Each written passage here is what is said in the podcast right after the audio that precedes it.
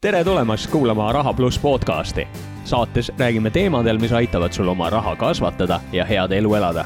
räägime jõukusest, selle kasvatamisest ja säilitamisest. tere, mina olen Priit Kallas ja täna räägin uues podcastis, mille nimi on Hea elu podcast, Vallo Arumäega sellest, kuidas üldiselt suures plaanis oma varade peale mõelda ja, ja kuidas mõeldes mitte selle peale, et homme teeniks kakskümmend prossa tulu, vaid et su lastelastel oleks ka mingit raha. ja tere, tere minu poolt ka, et väga põnev teema meil täna alustamegi siis sellest, et äh, see ingliskeelne väljend on generational wealth, mis see tähendab?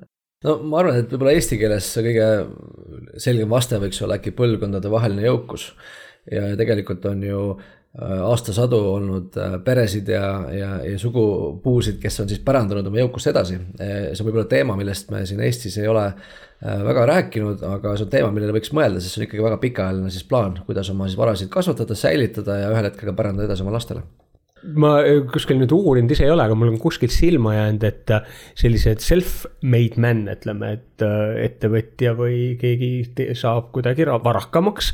ja siis, kui ta pärandab seda paar generatsiooni edasi, siis kui ma õigesti mäletan, siis vist, et kolmanda generatsiooniga on raha jälle otsas, et, et siis hakatakse seda, siis peab uuesti tööle minema. jah, ma arvan, et see eesmärk võikski olla siis jah, luua selline nii-öelda rahamasin siis, mis saab ka nii-öelda lukku panna, nii et ka järgmised põlved ei saaks seda ära lõhkuda, aga.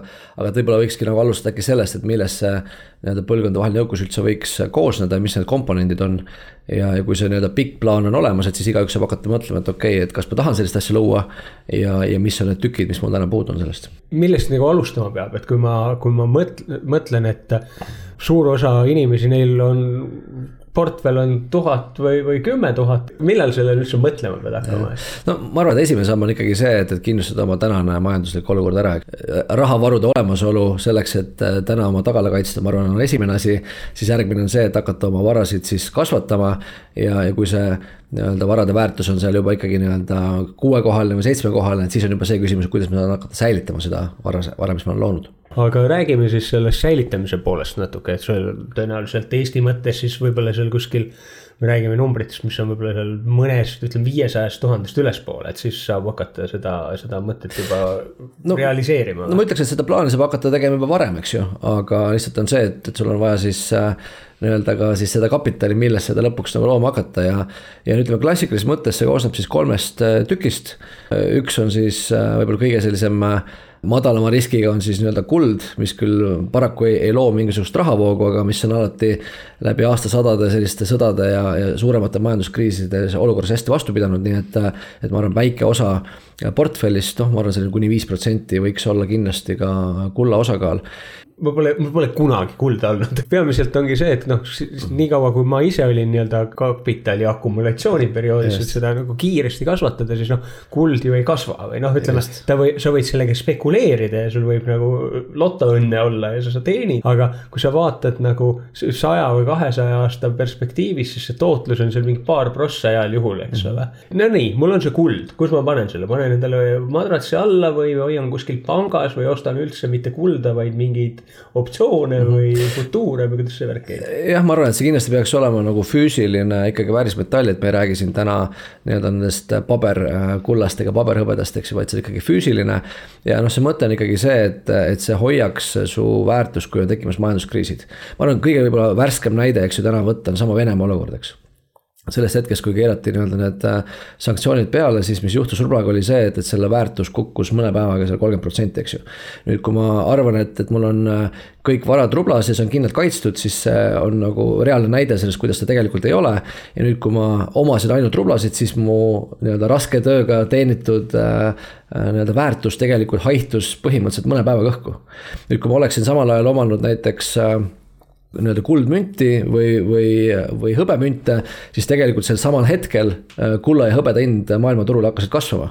ehk siis tegelikult minu vara mitte ei oleks ainult säilinud, vaid oleks ka nagu teiste valuutade suhtes tegelikult äh, kasvanud.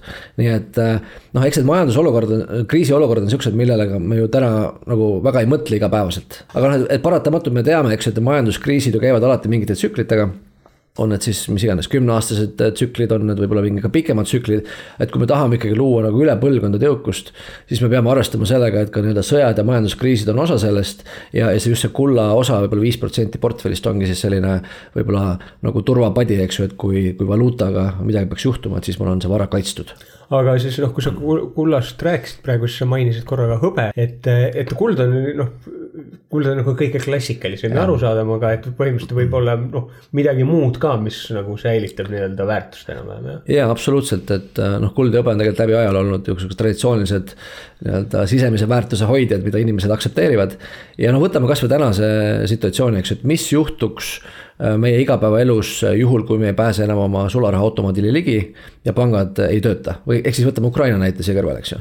et juhtus see, et, et esimesel päeval äh, tekkisid meeletud järjekorrad sularahaautomaatidesse. järgmisel päeval piirati ära see kogus sularaha, mida sai välja võtta ja noh, tõenäoliselt nüüd siin sõja käigus ei ole seda üldse võimalik teha. ja nüüd on siis see, et kas mul on täna olemas maksevahendid, mida siis selles kriisiolukorras kasutada, mida ka teised osapooled aktsepteerivad nojah, sihukese makseturvalisuse mõttes mingi sularahatükk alati kaasas ja mm., ja mul sõbrad ikka küsivad, oo igal pool saab ju kaardiga maksta ja nii edasi, eks ole mm -hmm.. no ja siis sa lähed sinna kohta, kus ei saa kaardiga maksta, eks ole. ja võtad oma mingi viiekümne eurose välja ja küsid, noh, ostan sulle ka midagi või. just, et see kuld võib-olla ongi sihuke asi, mida sa nagu nii-öelda normaalses äh, nagu heaoluühiskonnas, kui kõik asjad toimivad, tegelikult ju väga nagu ei vajagi, aga see ongi just nagu selle kaitseks, kui need asjad lähevad halvaks ja me teame seda ajalooliselt, et alati need asjad mingil hetkel võivad minna halvaks. no tegemist on siis sisust nagu kindlustusega. absoluutselt, just. aga siis noh, kui sa hõbedat mainisid, et seal vist on see, et äh, kuld lihtsalt on sedavõrd palju kallim, et äh, hõbedat sul peaks, ma ei tea, mingi kui terve mägi olema. terve, terve karp olema, eks siukses kingakarpides neid müüakse, need viiesaja untsised karbid, eks ju.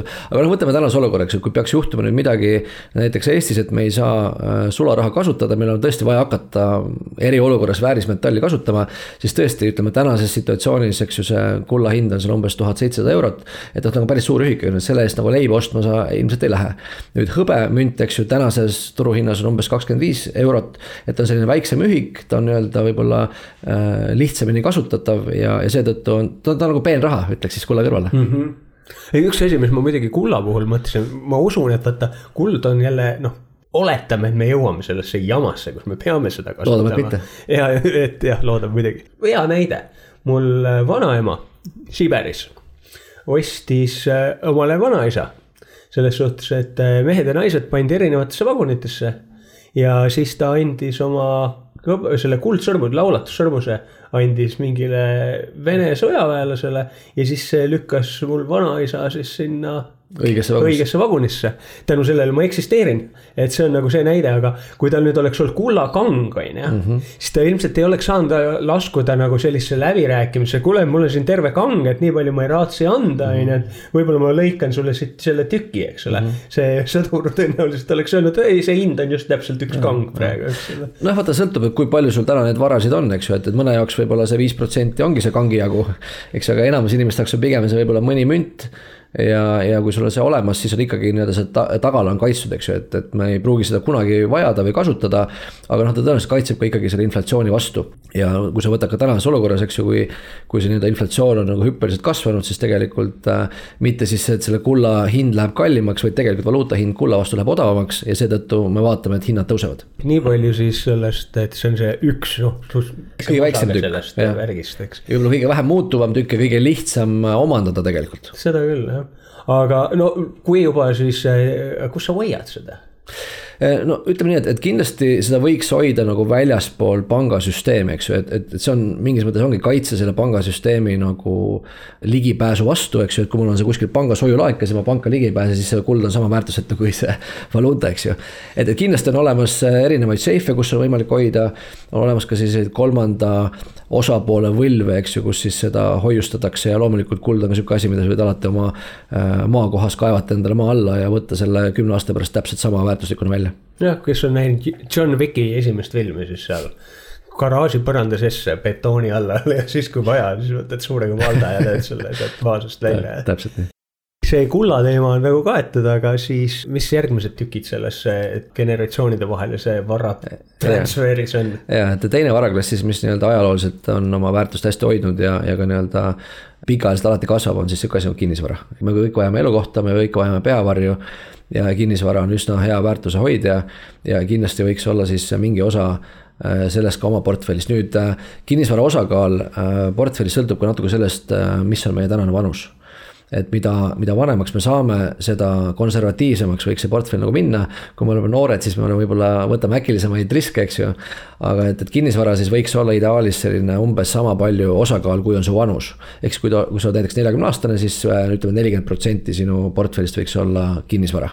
viis protsenti kuld, nelikümmend protsenti kinnisvara kinnisvara väärtus siiski tõuseb või püsib ainult nendes kohtades, kus rahvaarv ei lange enam-vähem, eks. Eestis panen võib-olla üldiselt nagu rahvaarv ju langeb, aga Tallinn näib olema selle, selline koht, kus ta siiski veel, ikkagi veel liigub üles. jah, ma ütleks, et kinnisvara puhul isegi võib-olla ei ole kõige tähtsam nagu selle kinnisvara hind, vaid pigem on see, et mida see kinnisvara suudab toota ja, ja seal on siis äh, äh, noh, öeldakse, eks ju, noh, asukoht, asukoht, asukoht, seda teevad kõik, eks ju, aga teine on ka, ma ütleks, rahavoog, rahavoog, rahavoog. et kas see kinnisvara selles asukohas võiks pikaajaliselt nii-öelda sihukest stabiilset kindlat rahavoogu luua ja toota? Sellisel juhul tasub ka noh kes endale portfellit loob, vaatate ka siis noh, sisuliselt ruutmeetri tootlust. absoluutselt, et noh, päeva lõpuks on see, et, et kui palju ma oma raha sinna sisse panen ja kui palju ma tagasi saan yeah.. et noh, kui me võtame sihukese, ma ei tea, ülilihtsa näite, et, et mul on näiteks sada tuhat eurot, ma ostan selle eest ühe korteri, mis toob mulle viissada eurot kuus.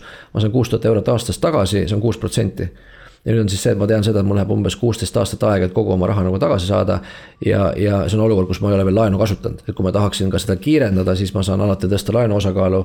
ja läbi selle siis seda tootlust ka nagu tõsta, et sul on tegelikult nagu päris mitu hooba on, on enda käes ja, ja kuna ka pangad ikkagi nii-öelda armastavad kinnisvara ja see on hästi selge nagu tagatis, eks ju, millest kõik ühtemoodi aru saavad, et siis ka selle nii-öelda Äh, laenu võimenduse kasutamine mõistlikus piires on ühel hetkel väga hea strateegia. kui mul ta on portfellis, siis äh, mul näiteks noh, võtame seesama, et sada tuhat üldse ongi portfell mm, -hmm. eks ole, siis ma olen, olen, ütleme, ma ei tea, kolmekümne viie aastane yeah., et siis võiks olla äh, kolmekümne viie jagu kinnisvara nojah, ütleme niimoodi, et ma arvan, seda võikski mõelda niimoodi, et kui me hakkame seda põlvkondade vahelise jõukuse portfelli ehitama, et siis me loome sihukese ühe ühiku. nüüd sõltub, mis ühik on, eks ju, et see ühik, võtame hästi väike ühik, võiks olla sada tuhat eks ju. et ma tean seda, et äh, mul on umbes viie tuhande nii-öelda, ütleme viie protsendi jagu on seal siis kulda. mul on seal siis näiteks kolmekümne viie aastaselt, eks ju, kolmkümmend viis protsenti ehk kolmkümmend viie tuhande eest on kinnisvara all. ja, siis on see kolmas tükk, mis sinna nagu jääb, ehk, ehk siis küsimus on see, mis on see tükk mida sa tahad täna luua, et kas on näiteks viiesaja tuhandene nii-öelda unit või ühik, on see miljoniline ühik. et see kõik sõltub sellest, kus sa täna oled, aga et kui sa ehitaksid nagu selle ühe ühiku valmis, sa võid nagu aja jooksul neid ühikuid nagu juurde ehitada või sa võid kasvatada mm -hmm. seda ühte ühikut suuremaks veel selline küsimus, et nüüd oled, kui me arvestame seda kolmekümmend viite, näiteks vanuse järgi seal, kas see on siis puhas mu oma kapital ehk oma raha või ja siis võtan sinna veel siis laenu peale ja siis tegelikult nagu hallatav vara on veel suurem kui tegelikult või? Noh, tegelikult me saame ikkagi vaadata sinna seda kinnisvara väärtust, eks ju, et, et, et see võiks olla nagu see, et kui ma ka seda peaksin nagu realiseerima, et siis ongi ikka see kinnisvara väärtus. ehk siis ütleme, see ühik, mida ma täna ise pigem nagu mõtlen, on selline miljoniline ühik, eks ju mm. -hmm. et ma tean seda, et mul peaks olema siis seal umbes äh, viiekümne tuhande jagu äh, kullas, eks ju. seal peaks olema nii-öelda, kuna ma ise olen nelikümmend seitse, eks ju, peaks olema kuskil äh, neljasaja seitsmekümne tuhande euro jagu kinnisvara väärt, eks ju ja, ja siis see ülejäänud jääb siis selle kolmandasse varaklassi, millest me kohe räägime, eks. aga siis, mis kolmas varaklass on? kolmas on siis äh, jällegi seotud nagu rahavooga ja, ja kolmas tükk võiks olla siis näiteks dividendiaktsiad. ehk siis sul ongi selline hästi konservatiivne portfell, sul on kuld, sul on kinnisvara, sul on dividendiaktsiad. ehk kõik asjad, mille puhul sul on võimalik äh, nii-öelda üsna hästi seda tuleviku väärtust nagu ennustada sul ei ole nagu sellist äh, noh, ütleme kasvuaktsiate puhul näiteks on see, et, et ma äh, usun, et see võiks kasvada, aga ma tegelikult ei tea siis noh, kinnisvara puhul, äh, kui ma ostan näiteks, ma ei tea, Tallinna kesklinnas kinnisvara, ma saan selle eest viissada eurot kuus. noh, siis see tõenäosus, et ma saan ka sealt kümme aasta pärast vähemalt viissada eurot kuus või rohkem, on üsna suur. et see on üsna selgelt nagu ette ennustatav ja sama on siis ka dividendiaktsiatega, eks, et sul on võib-olla sellised äh, stabiilsed ettevõtted, infrastruktuur, võib-olla ma ei tea, mingisugune vesi, energia ja nii edasi. et sa tead seda, et need ettevõtted stabiilselt kasvavad, selle nii-öelda teenuse järele on alati vajadus ja ka tõenäoliselt kümne või kahekümne aasta pärast nad on, on tänaseni alles. ja, ja, ja pakuvad siis seda kindlat kasumit ja pakuvad ka siis oma, omanikele siis nii-öelda kindlat dividenditulu kui neid aktsiaid osta, et kas seal on, mille järgi sa neid valid nagu, üks asi on jah, et dividendi tulu, aga mingid kriteeriumid, mida silmas pidada ja, ja just selle, et nad noh, ühelt poolt turvalisusega, no midagi võiks ju sisse tuua, eks ole. ja absoluutselt, et, et kindlasti noh, üks asi, millest võiks nagu alustada, on just sedasama kindlustunde nagu saamine, et kas see on äh, äh, nii-öelda ka praeguseks juba jätkusuutlik ettevõte, kes on juba võib-olla varasemad aastad seda dividenditulu alati maksnud ja nendel on väga nii-öelda pikk selline noh, inglise keeles track record või siis nii-öelda ajalugu, kus on siis näha, et, et sõltumata olukorrast nad tegelikult iga aasta maksavad dividende ja see tõenäoliselt jätkub ka järgmised äh, paarkümmend aastat. nüüd kindlasti võib alati äh, mõelda, see, kuidas ma täna ise seda näen, on see, et, et ehitada ikkagi selline dividendaktsia portfell, eks ju, kus on siis võib-olla erinevad sektorid, erinevad valdkonnad ja, ja ütleme, kui dividendiaks on üsna konservatiivne, eks ju, võrreldes kasvuaktsiatega, siis teha veel sellest konservatiivsest asjast veel nagu nii-öelda hajutatud portfell, mis on nagu veel konservatiivsem. et, et see, see risk viia nagu võimalikult nagu madalale. ehk siis eesmärk ei ole mitte see, et kuidas ma saaksin võimalikult palju tootlust, vaid kuidas ma saaksin oma oodatud tootluse veel väiksema riskiga ja, ja nüüd on siis see, et, et kindlasti tasuks vaadata, et mis on siis see nii-öelda äh, dividendi protsent, kui palju nad välja maksavad. ja seal tasuks ilmselt mõelda sellise nii-öelda oma mingi sihiku peale, et on see siis viis protsenti, on see seitse protsenti, et mis see ootus on. mis sind nagu rahuldaks ja siis hakata otsima, et mis on need ettevõtted, mis nendele kriteeriumitele võiksid nagu vastata aga erinevad turud, et äh, kas on mingid, mingites kohtades mm. makstakse rohkem dividendi välja, mingites ja. kohtades vähem. ütleme Euroopa, Aasia, räägime erinevatest äh, piirkondadest ka võib-olla. ja, et tegelikult on ju valikuid on erinevaid, eks kõige lähedasem on tavaliselt inimesed vaatavad pigem oma kodubörsi, eks ju. vaatavad Tallinna börsi, võib-olla vaatavad ka Euroopasse. aga tegelikult ju globaalne majandus on palju-palju laiem, eks ju, et, et ka ütleme, USA turg on väga populaarne, kust aktsiaid ostetakse. ja tegelikult ütleme tänasel hetkel ka Aasia turg, et, et minu enda fookus on täna suunatud äh, selgelt nagu Aasiasse Aasiasse, kuna, kuna, kuna seal on äh, nii-öelda selline suur majanduskasv ikkagi toimunud ja sellised jõuvahekorrad maailmas äh, on ka siin nagu ümbermängimisel hetkel, eks ju. et kuna, kuna ikkagi USA ja Hiina on need kaks vedurit, kes seda majandust nagu veavad ja seal käib ka selline äh, meeletu nagu infosõda, eks ju et siis äh, alati ka igasuguses sõjaolukorras on väga palju ka võimalusi tekib. Ja, ja kui sul nii-öelda on mingid ettevõtted, mis maksavad head kasumit, siis äh,, siis see ongi nagu hea valik, et sõltumata sellest, mis turul ta täna tegutseb.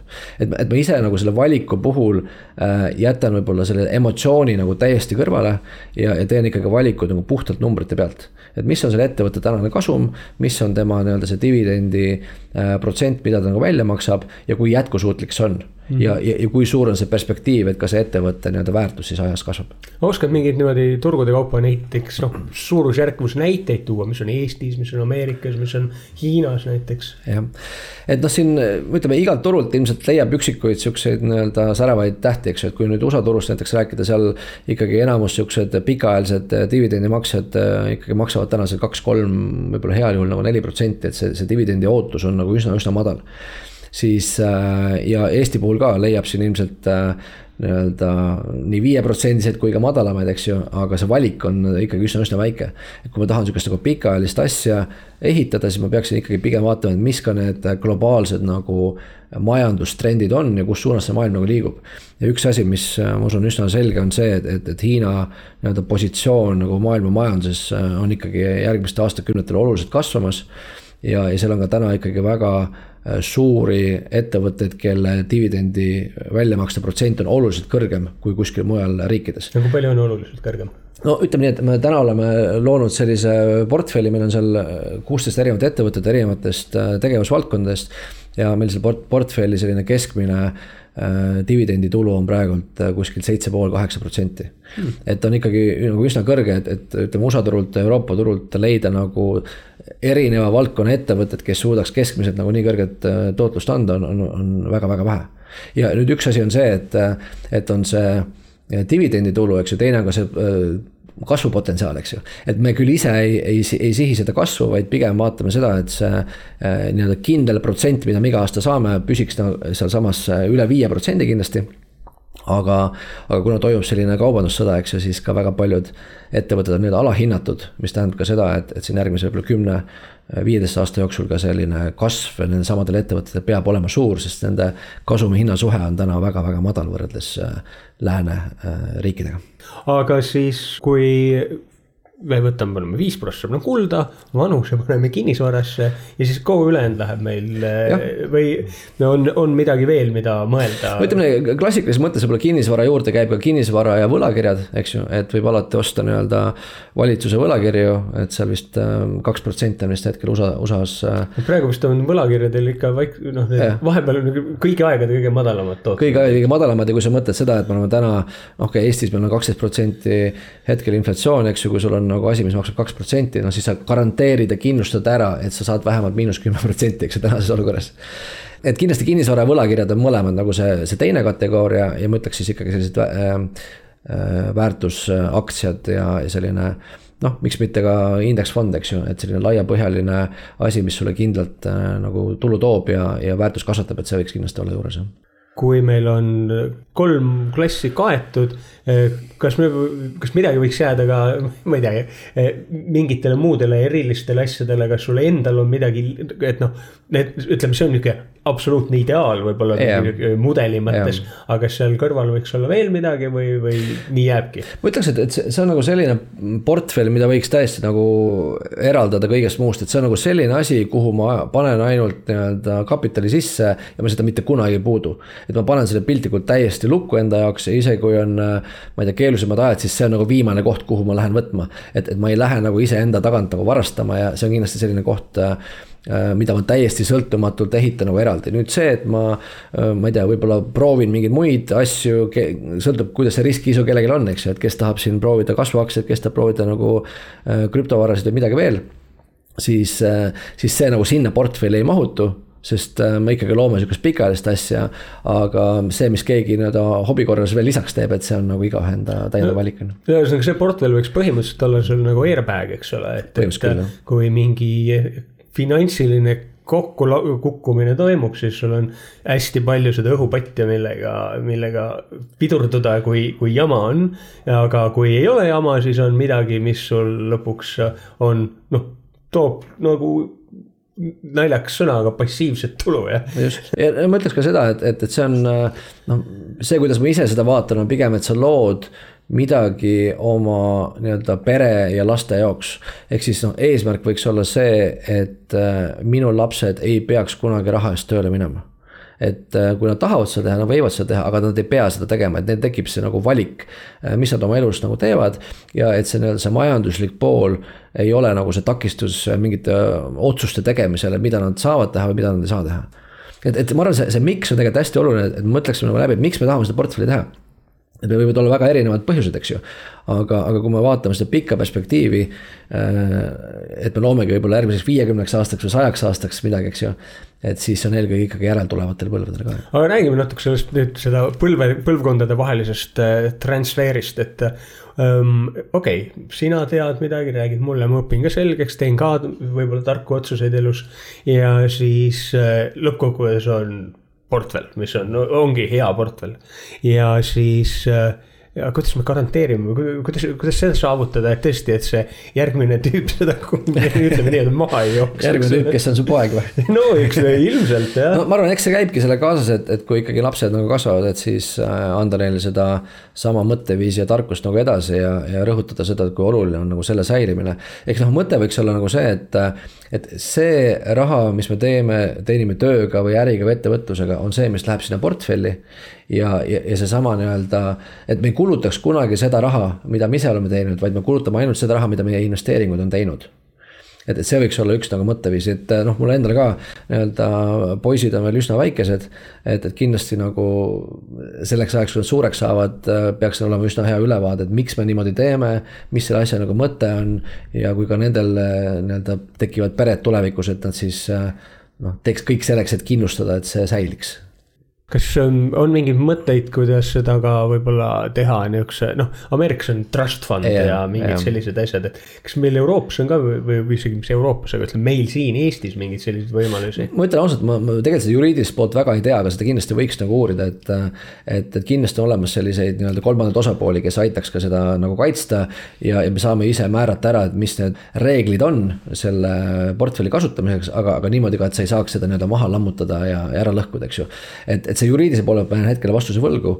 aga kindlasti see on ka üks, üks plaan, et see endale ka selgeks teha ja, ja kindlustada selleks äh, ära. ütleme need põhiteemad läbi vaadatud, mis äh, on veel mingeid äh, mõtteid, kui sa sellise planeerid laias laastus oma pikka, pikka mm -hmm. plaani ja pikka mängu. see, mis me praegu oleme rääkinud, iseenesest ei ole ju mingi revolutsiooniline teadmine, aga mm -hmm. võib-olla mingid äh, praktilisi näpunäiteid, kuidas midagi muuta, kuidas äh, noh, ka juba see, et kui sa vanemaks saad, kuidas sa vaikselt ühest klassist teise varasi lükkad ja noh. jah, vaata, see ongi see, et me elame sihukeses hästi nagu lühiajalise planeerimise nagu maailmas, et, et ma arvan, selle idee mõte on just see, et, et panna see pikk plaan enda jaoks paika ja noh, need on lihtsalt äh, ajalugu näidanud, need on need tükid, mis äh, sõltumata sõdadest, äh, riigi valitsemise muutustest hoolimata on nagu alati säilinud. ja noh, mida võiks nagu täna mõelda, on siis see, et, et okei okay,, kui palju mul sellist portfelli, kui ma tahan seda luua, kui palju mul täna olemas on. et näiteks, kui see, ma ei tea, ühik on näiteks, ma ei tea, viissada tuhat, eks ju et kui palju mul sellest, äh, äh, kas mul kinnisvara on täna juba olemas või mul on vaja hakata seda looma, kas mul on see kuld on täna olemas, mul on vaja veel juurde osta või kas mul need dividendiaktsiad on olemas või mul on vaja luua. et kui ma ise alustasin, siis mu võib-olla see koht, kus ma kõige rohkem fokusseerisin, oligi tegelikult näiteks dividendiaktsiad, kuna see oli kõige väiksem äh, tükk, millele ma ei olnud varasemalt keskendunud ja mul oli vaja nagu selle osakaal nii-öelda järgi aidata. ja, ja nüüd see võtabki võib-olla noh, ikkagi aastaid võib võtta aega, et see ühik nii-öelda ideaalseks nagu valmis saada. et sa saad hakata ühel hetkel siis selle järgmise ühiku juurde minema ja teha siis võib-olla teine viiesaja tuhandene ühik. mis siis koosneb umbes samast proportsioonist see, mille vastu selle portfelliga võidelda peamiselt, noh, üks asi on see, et, et tekiks ka tulu ja nagu rahavoogu. aga teine pool on siis see, et äh, igasugused inflatsioonilised äh, kataklüsmid meid äh, ära ei nulliks, jah. just, et vaata, see on see, kui ma olen, olen selle kapitali juba endale loonud, siis mu äh, peamiseks eesmärgiks saab olema see kapitali säilitamine, et jah, ma tahan, et see ka kasvab aga ta ei pea kasvama nagu väga äkiliselt, vaid ma pigem tahan, et ta kindlalt nagu säiliks ja ma saaksin selle nii-öelda järgmistele põlvedele edasi anda. ehk siis selline võib-olla konservatiivne noh, eesmärk võiks olla näiteks inflatsioon pluss viis protsenti. sellises tavalises äh, Äh, majanduskeskkonnas, eks ju, kuna keskpangad sihivad seda kaheprotsendilist nii-öelda inflatsiooni, siis see tähendaks umbes seitse protsenti, et on nagu pigem selline konservatiivne eesmärk, et, et, et ta ei ole kahekohaline, eks ju, siht. nüüd tänases situatsioonis, kus meil on Eestis kaheteistprotsendine inflatsioon, noh, see tähendaks siis seitseteist protsenti tootlust et noh, et see nõuabki nüüd äh, ikkagi järjest nagu targemat tegutsemist, et kuidas siis äh, luua nagu sellist portfelli, mis siis ka kasvaks nagu selles olukorras. no aga teoreetiliselt ju, kui, kui meil inflatsioon on kaksteist prossa, eks ole, siis noh, ütleme nii, et raha väärtus nagu on väiksem, siis selle teise poole, selle tehingu teise poole hind ju lihtsalt on kõrgem selle jagu juba, et sul. sul otseselt ei ole vaja, et ettevõtted töötaks sedavõrd tõhusamalt, vaid lihtsalt see kullatükk maksab lihtsalt rohkem sel mhm. hetkel, jah. no see ongi, et tegelikult kõik need asjad kasvavad, eks ju, nende ettevõtete nii-öelda väärtusettevõtted kasvavad, eks ju, kinnisvara kasvab ja kuld kasvab, aga see ei tähenda seda, et nad kasvavad, see tähendab seda, et tegelikult valuuta läheb odavamaks, eks ju ja, ja nüüd ongi see noh, kõige lihtsam näide võiks olla see, et, et, et see sada eurot, mis meil täna taskus on, ei ole enam väärt sada eurot aasta aja pärast. ja nüüd on see, et, et kui me sellest aru ei saa ja ei oska seda kaitsta, siis me kindlalt kaotame ostujõudu. ja, nüüd, kui sa võtad, võtame hästi lihtsa näite, eks ju, et äh, ma ei tea, kui leib maksab äh, üks euro ja sul on sada eurot, sa saad täna sada leiba.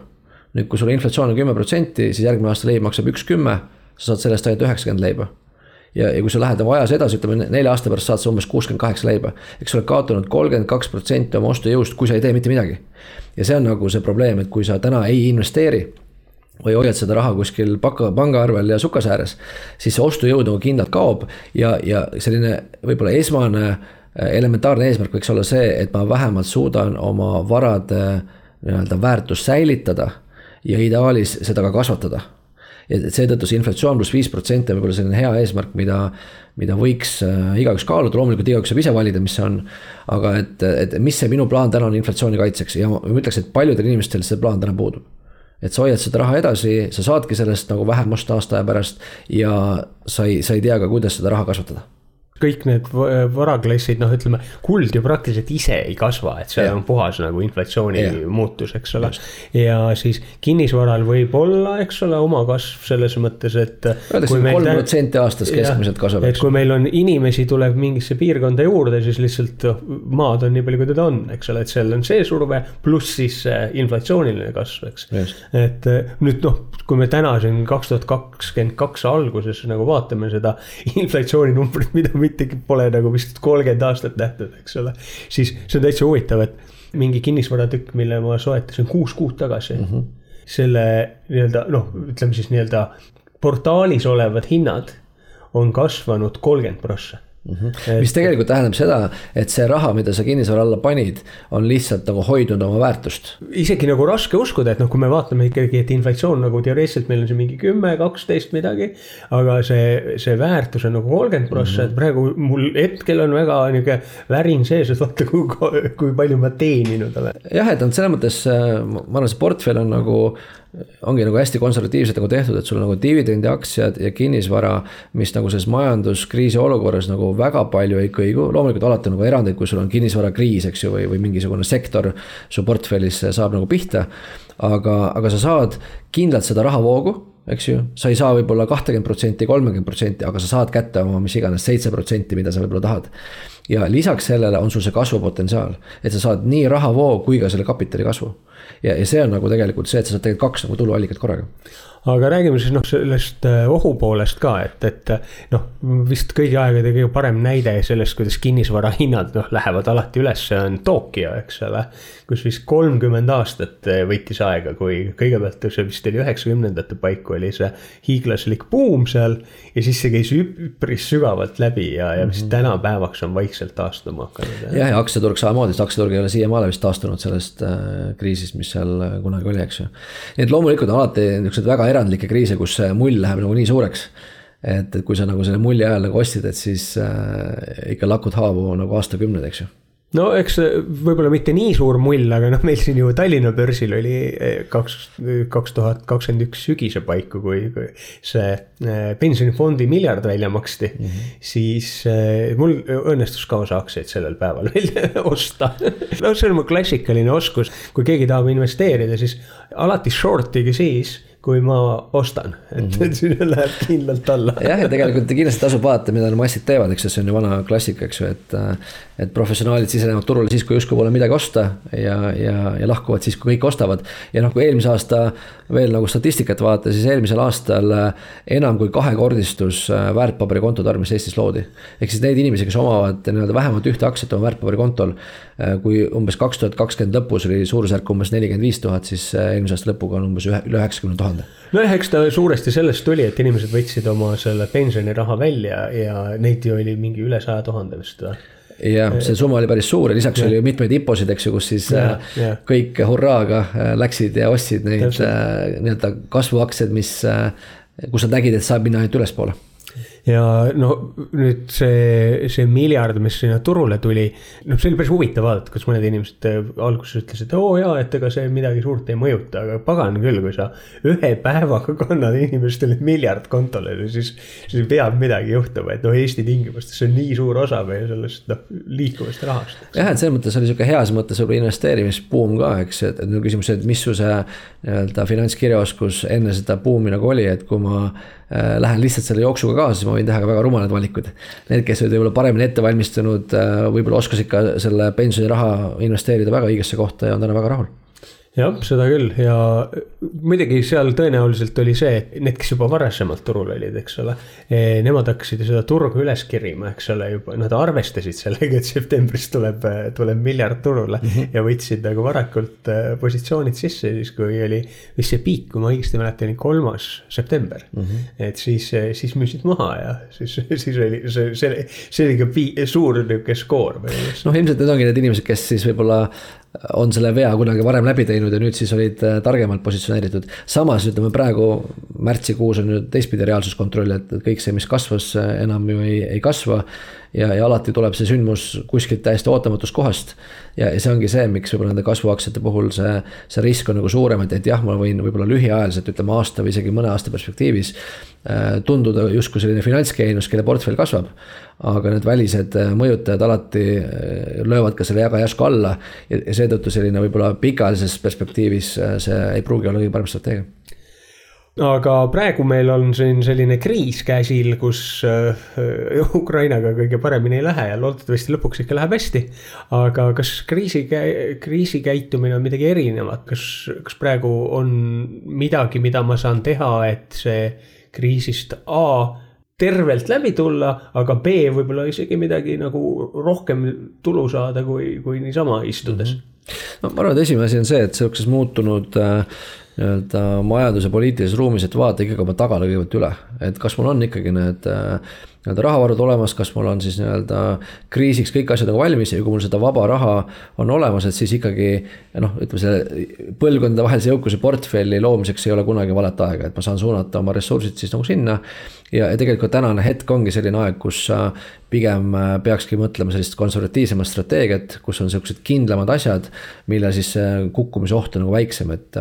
et kui mul on, ütleme, investeeringud oleks näiteks kuskil kasvuaktsiates või krüptos ja nii edasi, siis nad on nagu pigem väga volatiilsed, äh, kui majanduses juhtuvad siuksed krahhid vastupidiselt näiteks dividendiaktsiad ja kinnisvara, äh, nende nagu see kõikumine on kindlasti väiksem ja, ja, ja pigem see võiks olla võib-olla hoopis ülespoole, nii et sa võid ka sellest kriisist tulla nii-öelda jõukamana välja, kui sa läksid sinna sisse kas vahepeal võib mingit hasartmängu eh, huvi lahendamiseks, noh, kui, kui me jõuame kuhugi, mida me ütleme, põhja jõuame, eks ole. noh, see, et me üritame nüüd põhja tabada, see on omaette võib-olla ei ole kõige taiplikum mõte.